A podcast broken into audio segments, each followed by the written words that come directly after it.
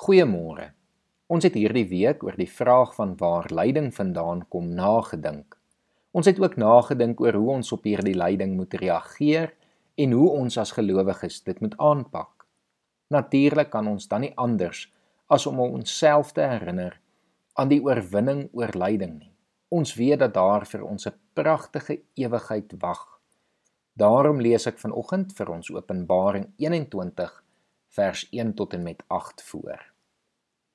Toe het ek 'n nuwe hemel en 'n nuwe aarde gesien. Die eerste hemel en die eerste aarde het verdwyn en die see het nie meer bestaan nie. En ek het die heilige stad, die nuwe Jerusalem van God af uit die hemel uit sien afkom. Die stad was gereed soos 'n bruid wat vir haar man versier is. Toe het ek 'n harde stem van die troon af hoor sê: "Kyk, Die woonplek van God is nou by die mense. Hy sal by hulle bly. Hulle sal sy volke wees en God self sal by hulle wees as hulle God. Hy sal al die trane van hulle oë afdroog. Die dood sal daar nie meer wees nie. Ook leed, smart en pyn sal daar nie meer wees nie. Die dinge van vroeër het verbygegaan. Toe sê hy wat op die troon sit: "Kyk, ek maak alles nuut. En daarna sê hy: Skryf hierdie woorde op, want hulle is betroubaar en waar. Verder sê hy vir my: Dit het klaar gebeur. Ek is die Alfa en die Omega, die begin en die einde. Aan elkeen wat dors het, sal ek te drinke gee uit die fontein met die water van die lewe, verniet.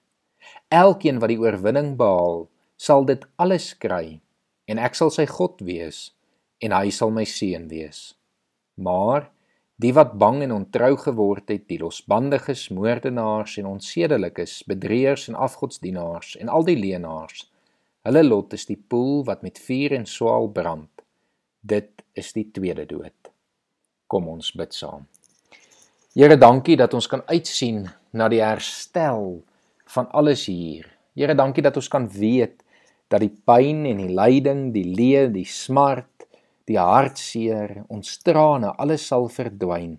Dat U alles sal nuut maak, Here, en dat daar 'n nuwe hemel en 'n nuwe aarde gaan wees met U teenwoordigheid gevul, Here. Dat U ons God sal wees tot in alle ewigheid en dat ons as U kinders sal kan leef.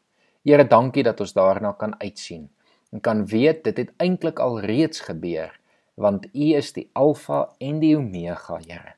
U is die begin en die einde van ons lewens, maar ook van alles rondom ons. Ons loof U daarvoor en ons doen dit in Jesus Christus se naam. Amen.